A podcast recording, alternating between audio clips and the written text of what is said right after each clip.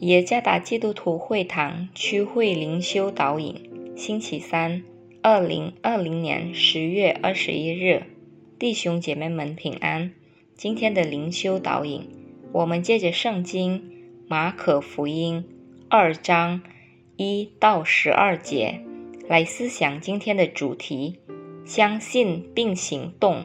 作者苏心志传道，马可福音二章。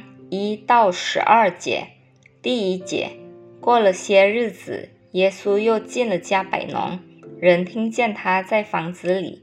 第二节，就有许多人聚集，甚至连门前都没有空地，耶稣就对他们讲道。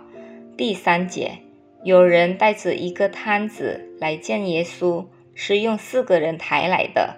第四节，因为人多，不得进前。就把耶稣所在的房子拆了房顶，既拆通了，就把摊子连所躺卧的褥子都追下来。第五节，耶稣见他们的信心，就对摊子说：“小子，你的罪赦了。”第六节，有几个文士坐在那里，心里议论说：“第七节，这个人为什么这样说呢？他说健忘的话了。”除了神以外，谁能是罪呢？第八节，耶稣心中知道他们心里这样议论，就说：“你们心里为什么这样议论呢？”第九节，或对摊子说：“你的罪赦了。”或说：“起来，拿你的褥子行走。”哪一样容易呢？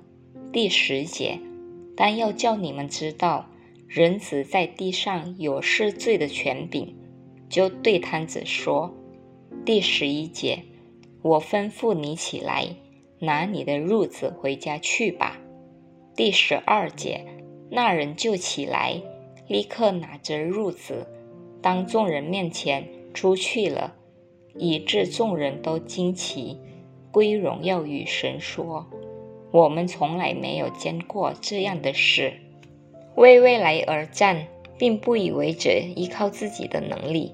而是想服于上帝，不是因为无能为力而投降，但是因为信而享福，全然信靠上帝的良善，并将自己托付于那良善的上帝。这就是在家摆农事的一个探子所行的。约翰马可，马可福音的作者，见证耶稣晓得，并看到了那四个人的信心。我个人想，应该是他们五个吧。包括那个摊子，不让任何的障碍阻拦他的脚步，来得到耶稣的医治。看他们的信心态度，在这里有趣的，耶稣并没有立即医治那摊子，耶稣反而答复他的主要需求，就是赦免他的罪。